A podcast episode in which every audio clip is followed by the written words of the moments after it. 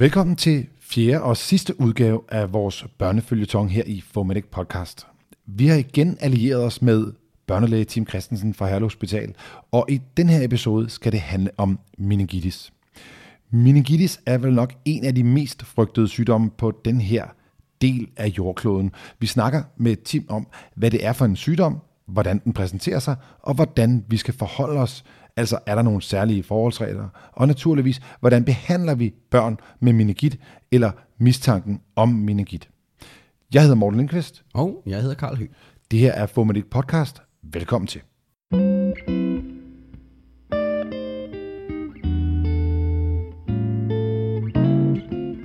Hej Tim, Ja, hej. og øh, endnu en gang tak for, at vi måtte komme, og at, tak for, at du vil dele ud af din pædiatriske viden med vores lytter. I er velkomne.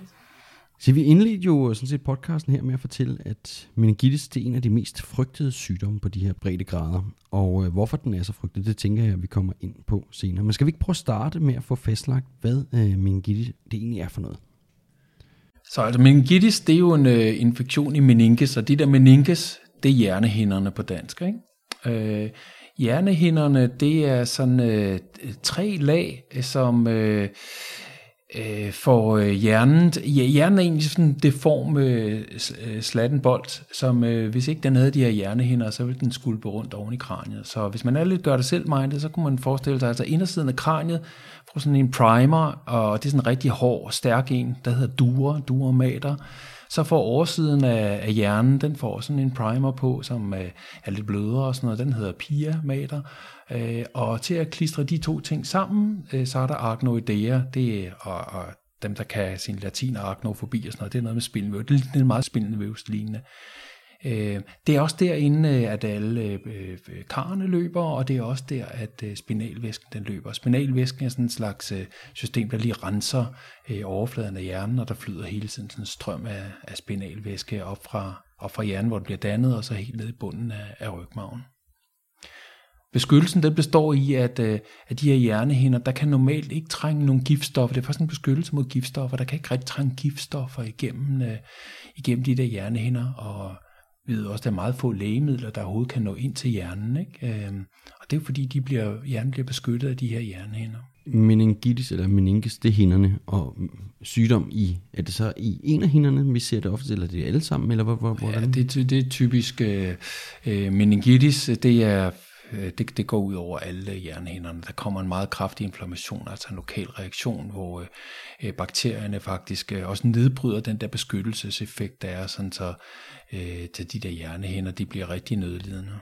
Lad os, øh, lad os prøve at snakke lidt om, smitte. Hvordan smitter meningitis egentlig? Ja, vi plejer lidt at dele øh, meningitis op i, i to former. Altså der er meningitis, som skyldes øh, bakterier. Det bliver også kaldt en purulent meningitis. Øh, og så er der den øh, serøse, øh, som øh, som regel skyldes øh, virus. Øh, Pulet betyder pusfyldt, og det er simpelthen, når vi laver lumbalpunkturen og tapper rygmavsvæsken ud, så står der altså bare pus. Når de rigtig slemme tilfælde, så står der bare pus ud af, af rygmagen. Vi skal komme med en lille anekdote, så havde vi besøg af et barn, som havde så slem en meningitis, så da vi sendte det der rygmavsvæske over til laboratoriet for at få det mikroskoperet, så måtte de fortynde det for at overhovedet kunne se cellerne i det, fordi det var bare en tyk suppe af, af betændelsesceller. Uh. Så øh, bakteriel meningitis, øh, meningitis med bakterier, det er jo sådan noget med meningokokker, pneumokokker og hemophilus, som er de to mest almindelige bakterier hos, øh, hos børn. Ja, hvordan kommer de ind? Ja, altså øh, det spøjser er lidt, at øh, måske op til 20% af alle børn, de, øh, de bærer faktisk meningokokker i, øh, i næsen og på slimhinderne. Øh, og øh, hvorfor man så lige bliver syg, det er jo ikke 20% af os, der får meningitis, øh, hvorfor, hvorfor, hvorfor de så lige øh, øh, på et eller andet tidspunkt kaster sig over i øvrigt øh, sunde og raske børn og gør dem syge, det ved vi ikke 100%. Øh, det er næsten samme historie med pneumokokkerne. Det er op imod 50% af alle øh, børnehavebørn, de bærer pneumokokker i deres næse. Pneumokokker, der både kan give meningitis og mellemørebetændelse og lungebetændelse, som de måske er mest kendt for.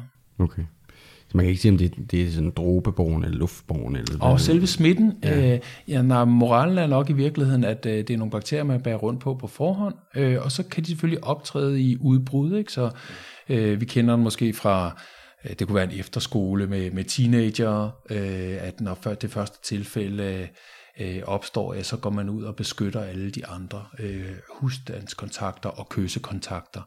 Og det siger også lidt om, at det ikke er super smitsomt, når det kun er kyssekontakterne og husstandskontakterne, man skal behandle. Altså det her er jo ikke ligesom mæslinger, som er hypersmitsomme og smitter. Alle i rummet bliver, bliver smittet. Sådan er det ikke. Det men man skal altså have mere kontakt her. Ikke? Det kommer vi lidt ind på senere netop, hvordan, øh, hvordan vi skal forholde os som, øh, som ambulancepersonale. Jeg synes, vi skal prøve at snakke øh, symptomer. Hvad er det for nogle symptomer, vi kan forvente os af en patient, som vi mistænker har en meningit, eller som har meningitten?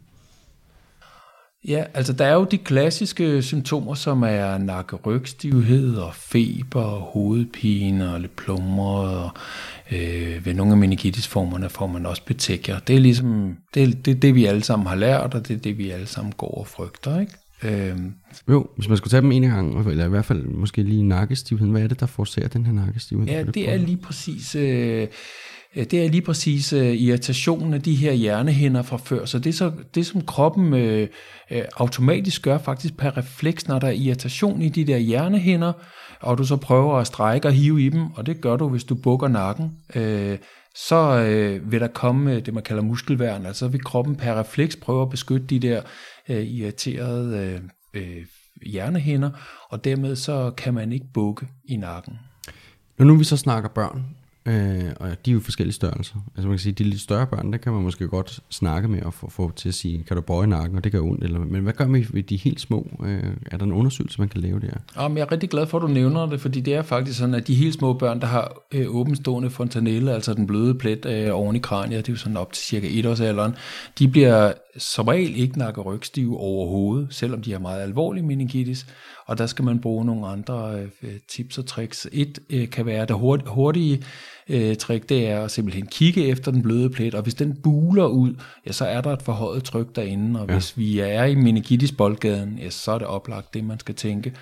Øh, og ellers så er der nogle undersøgelser, jeg ved ikke om det fører for vidt, men det hedder Kernik og Protinski, altså hvor man øh, faktisk, når man laver undersøgelsen for nakke- altså bøjer i nakken, så, øh, så, så vil man se, at, øh, at hoften den lige øh, bukker sig. Mm. Øh, og den anden undersøgelse, det er, at man, øh, man prøver at strække et, et bøjet ben ud. Det skal næsten ses. Det kan dårligt forklares her, men, øh, men så vil man opleve sådan en fjederne modstand. Vi smider en, øh, en video i shownoterne til denne episode. De lidt større børn, øh, og man kan også sige 0-1-årige, det er altså også en alder, hvor meningitis er meget, meget almindelig. Det er faktisk den aldersgruppe, hvor der er allerflest meningitis-tilfælde. Den øh, næste kritiske alder for børnene, det er teenageårene. Øh, der kommer en ny pukkel, hvor, øh, hvor meningitis bliver hyppig igen. Du snakkede noget om øh, petekia også som symptom. Ja, det er rigtigt. Ser vi altid petekia, og, og hvad er det egentlig udtryk for? Jeg tror, man skal starte med at sige, at øh, når man ser en patient med petekia, så er det ikke meningitis det første, man skal tænke. Øh, det er sådan, at øh, for børn, jeg taler om børn kun nu, øh, børn med petekia, der går der måske et til minimum 100 børn, øh, der har petekia af andre årsager, hver gang der er et barn, der har øh, petekia på grund af meningokoksygdom, som er den sådan mest frygtede meningitis, den særlig hurtige aggressive meningitisform. Ikke? Kan du prøve at beskrive petekia? Hvordan ser det ud, og hvad skyldes det? Ja, altså petekia, det er, øh, petekia, det er små hudblødninger, så det er et lille kar i, øh, i huden, som er bristet. Øh, i, øh, I tilfældet med, øh, med øh, meningokoksygdom øh, og til del også de to andre bakterier, som hyppigt giver meningitis, ja, så er det en, øh, en immunreaktion, og der kan faktisk også være øh, meningokokker, altså bakterier i selve petekien. Øh, I gamle dage, der skulle man vippe, der skulle man øh, faktisk tage en biopsi af den der petekie. Det var noget, vi gjorde. Så, så ondskabsfulde er vi ikke mere, for at se, om man kunne finde øh, meningokokbakterier i den der petekie, ikke? Jeg synes også, jeg kan huske noget om uh, nogen, der, der omtaler glastesten. At oh, man ja. sætter, det, sætter et glas ja, ned det på. Er på. Øh, så, så petekia er, er hudblødninger, der ikke svinder for tryk. Så hvor meget andet øh, rødt udslæt, øh, faktisk de fleste røde udslæt, de forsvinder jo for tryk. Øh, og en måde at undersøge på, det er ved at tage et glas og trykke ned mod den her røde plet, og så se, om man kan trykke den væk. Øh, det vil sige, at man ikke kan se den mere, når man trykker glasset ned. Det er sådan den helt simple måde at gøre det på, ja. Her er det Karl med en lille auditiv fodnote. Tim fortæller, at for hver 100 barn med petekia, så er der kun en af dem, der har meningokoksygdommen, som er den mest frygtede meningitis. Men hvis du nu sidder derude og tænker, jamen hvad er alle de andre årsager til, at vi ser petekia, jamen så har vi samlet en lille liste. De kan skyldes enten skader eller traumer, og så kan det skyldes allergiske reaktioner. Det kan også være autoimmune sygdomme eller koagulationsforstyrrelser, for eksempel i forbindelse med infektioner. Og så kan de skyldes virus. Og så er der faktisk nogle euforiserende stoffer og steroider, som også kan være grobund for petekia. Så fik du også den med. Vil der så være forskel på øh, symptomerne, om det er en bakteriel eller en viral udløst meningitis? Ja, det kan der faktisk godt være. Øh, fordi øh, øh, til det, øh, vi har snakket om indtil nu, der, er der, der ligger der også, at, at når man har en virus øh, eller viral meningitis, så er det rigtig tit en encefalit også. Det vil sige, at selve hjernen er faktisk også inficeret. Og det betyder, at man får nogle lidt andre symptomer. Man kan have styringsbesvær, og man kan have mm, tit nogle lidt mere sløve symptomer. Det, optræ, det, det opstår altså lidt, lidt langsommere, udvikler sig lidt langsommere øh, end, øh, end meningiten. Men nu snakker du selv lidt omkring det her tidsperspektiv. Hvor hurtigt kan man begynde at se nogle symptomer? Altså for meningokoksygdom, som er det, der udvikler sig allerhurtigst. Når jeg siger meningokoksygdom, så er det fordi, jeg tænker både på meningok meningitis og meningokoksepsis, som man sådan slår sammen under et under meningokoksygdom.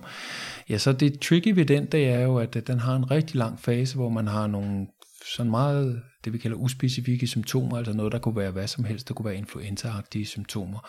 Øh, og det er en fase på øh, måske 12 til til 24 timer, hvor øh, der ikke er den store udvikling, øh, og så kommer der en meget, meget, meget stejl udvikling i løbet af ganske få timer, øh, hvor det går ekstremt stærkt.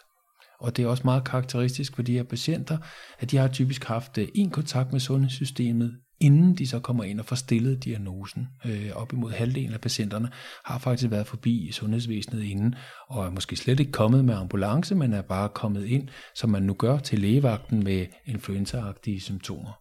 Er det jo ikke længe siden, vi har set nogle tilfælde af de her, nogle, nogle unge mennesker? Ja, der var jo her i Region Hovedstaden øh, i 2017 og 2016 faktisk tre drenge, som, øh, tre teenage-drenge, som øh, øh, som ikke overlevede deres meningokok meningitis. Så de havde, øh, de havde i hvert fald til en start, som er rigtig typisk, sådan nogle lidt uspecifikke symptomer, i hvert fald nogle symptomer, der ikke blev erkendt som, at de var udtryk for, for meningokoksygdomme. Men nu skal vi ikke øh, forklare, at det, at det var tre uh, unge mennesker, der, der ulyksaligvis gik bort i det her. Men, men kan du sige noget om på, på landsplan, hvor mange det er, der egentlig bliver ramt af meningokokken, altså den, som de tre øh, drenge ulykkeligvis øh, gik bort af? Ja, det er faktisk sådan, at øh, for 0-18-årige, altså børnene, der er det kun 10-15 tilfælde om året, og, og dødeligheden er så cirka 10-15 procent. Så man kunne også vente om til den gode historie. Det er en mega sjælden sygdom, og langt, langt de fleste overlever. Men, men kan man sige, at var der noget omkring, øh, og jeg ved ikke, om du har information om det, men de her tre eksempler med de tre unge drenge her, var der noget specifikt, der gjorde sig, at, at det lige var uheld, eller en eller anden omstændighed, der gjorde, at de øh, måtte lide den hårdeste skæbne, eller er det bare tilfældigheder, at de ramte lige inden for en kort periode, der gjorde, der kom meget fokus på det? Mm, det er nok en kombination af begge dele. Der er jo altid, når man kigger tilbage på sådan et forløb, er der altid noget, man kan gøre bedre. Der er altid noget, man kan lære af det. Det har vi også gjort her i regionen og haft et rigtig stort arbejde. Jeg har selv været en del af det.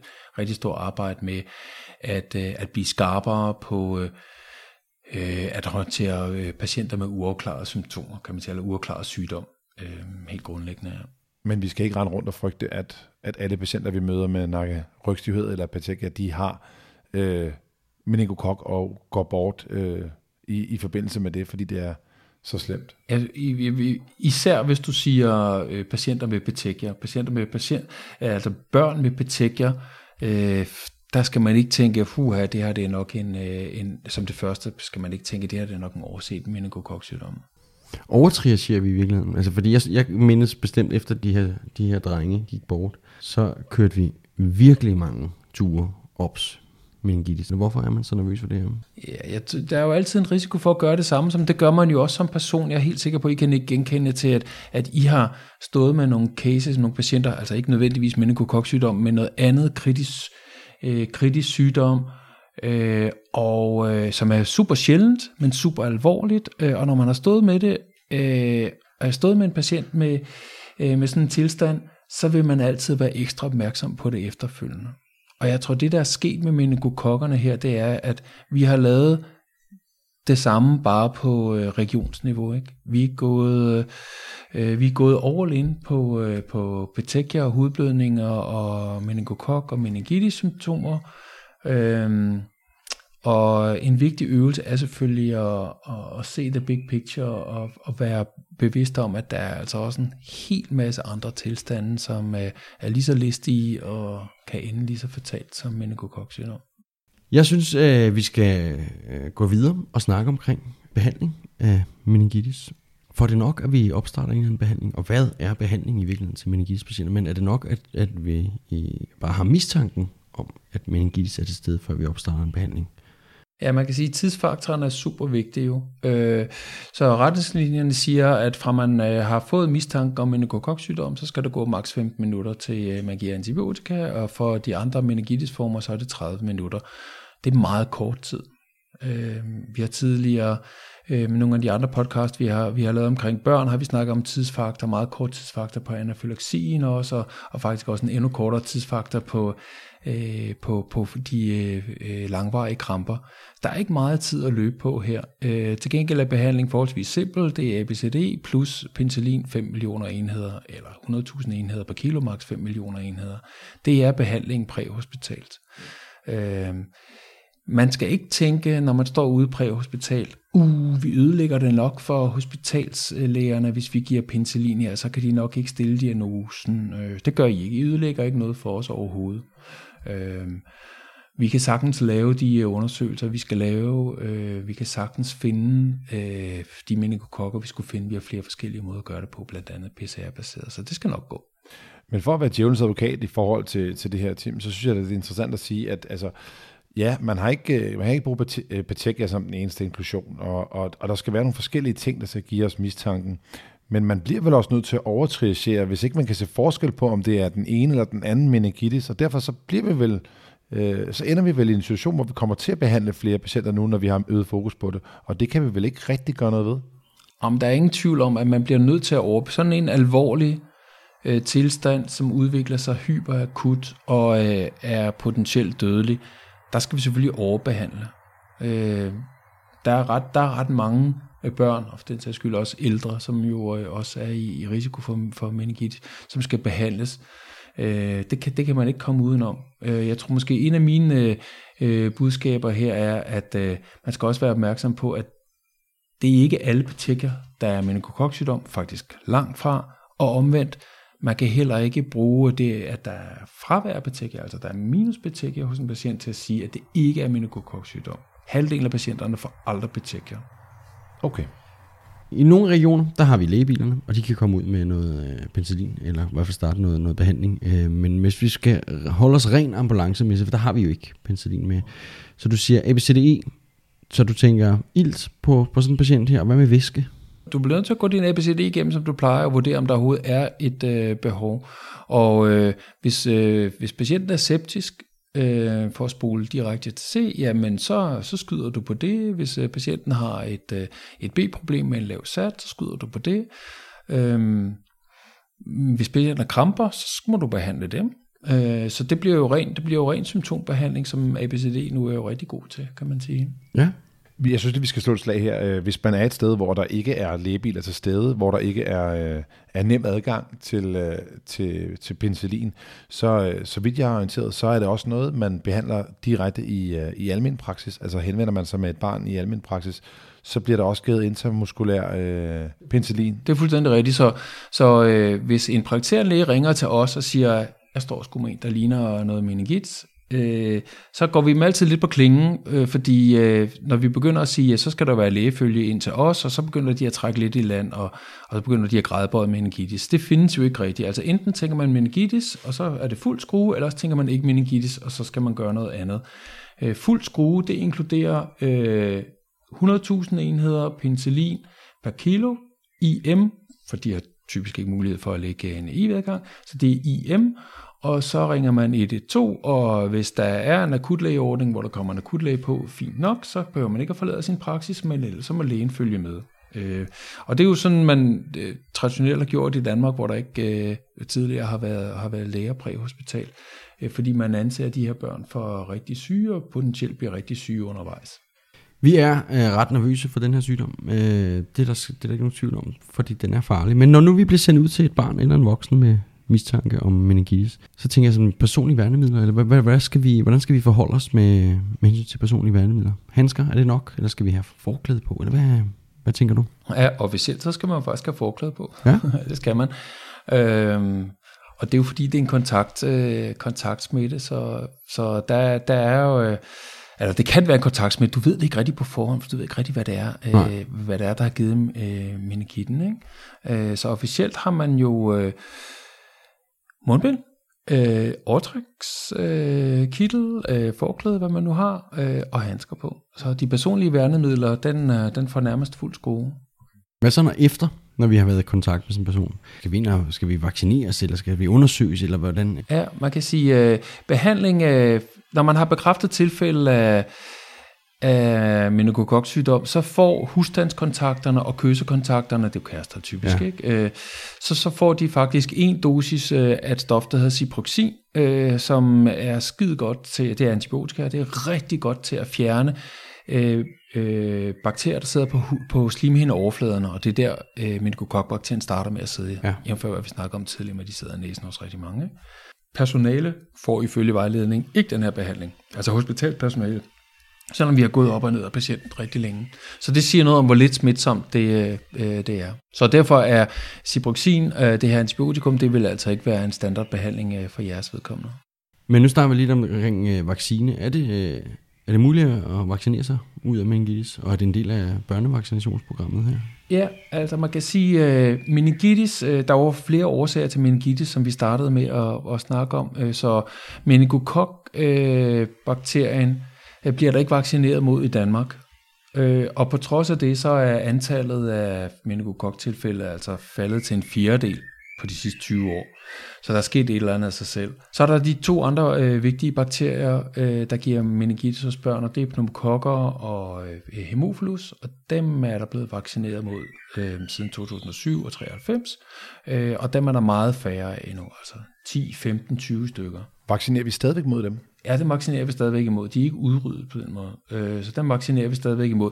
Og så synes jeg ikke, man skal glemme, at mæslinger var faktisk den vigtigste grund til meningoencefalitis, altså nu slog vi det lidt sammen under et af de alvorlige neuroinfektioner, øh, og den har vi jo heldigvis vaccineret mod i siden 87, og det er bare endnu en god grund til at sørge for, at ens barn bliver vaccineret mod øh, mæslinger. Du tror ikke, det skaber autisme at blive, altså at blive vaccineret? Det er vist utallige undersøgelser, og også øh, nogle rigtig fine, store danske undersøgelser, at der er ingen sammenhæng mellem autisme og mæslingvaccinen. Så vi skal altså vaccinere vores børn? Også for at undgå encefalitis. Tak, mm. så er den vist slået helt på plads. Når nu øh, vi har været i kontakt med et barn, som for eksempel har været, øh, hvor der har været meningitis eller mistanke om det, er der nogen, vi har pligt til at kontakte øh, som sundhedsfagligt personale? Ja, meningitis er det, man kalder anmeldelsespligtigt, så det betyder, at det skal anmeldes til det, der hed embedslægen i gamle dage, som nu er Styrelsen for Patientsikkerhed jeg ved ikke, om man kan sige, at det er jer, der skal lave den anmeldelse, fordi alle de her patienter bliver jo afleveret på et hospital, og, og, og vi, vi overtager den anmeldelsespligt. Øh, så, øh, så jeg kan ikke se, altså, I vil jo aldrig nogensinde køre den patient hjem til sig selv igen, altså det giver ikke nogen mening. Tak for denne gang. Nej. Men det er vel heller ikke på mistanken, men på den diagnostiske kriterie, at de skal Nej, det er, det er det så ikke helt, fordi vi kan ikke rigtig vente på, at en mikrobiolog er færdig med at undersøge spinalvæsken, fordi så er der jo potentielt mulighed for at ude på den der efterskole, hvor øh, den der teenage øh, øh, eller Roskilde Festival, eller hvor det nu kan være, hvor der er rigtig mange mennesker sammen på én gang, og rigtig mange potentielle kyssekontakter, øh, der, der, der er spredningsrisikoen helt vildt stor. Så vi ringer faktisk, når vi har øh, det, man kalder bestyrket mistanke om, øh, om øh, meningitis, øh, så ringer vi.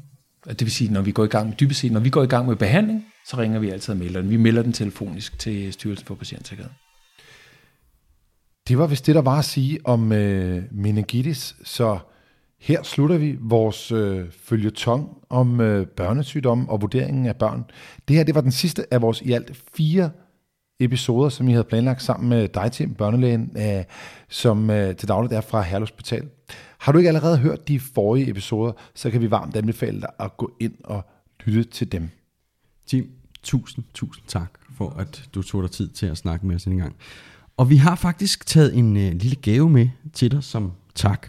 Men hvad endnu øh, vigtigere er, så er det, at du skal lige finde den her øh, gave nede i min taske, mens jeg prøver at snakke her i mikrofonen. Hvad endnu vigtigere er, det er, at du er blevet optaget i det, vi kalder for Hall of Foam. Hall of Foam, det er jo en eksklusiv øh, klub af mennesker, der på den ene eller på den anden vis har bidraget til at fremme vores fag eller vores mission her i Fomedic om at skabe gratis tilgængelig medicinsk læring til alle. Så Tim Christensen, det er også en kæmpe stor glæde at optage dig i Hall of Foam som Hall of Foamer nummer 7 på baggrund af dit enorme bidrag til Fomedic i det her kæmpe arbejde, vi har lavet over de sidste fire episoder. Tusind, tusind tak. Fame.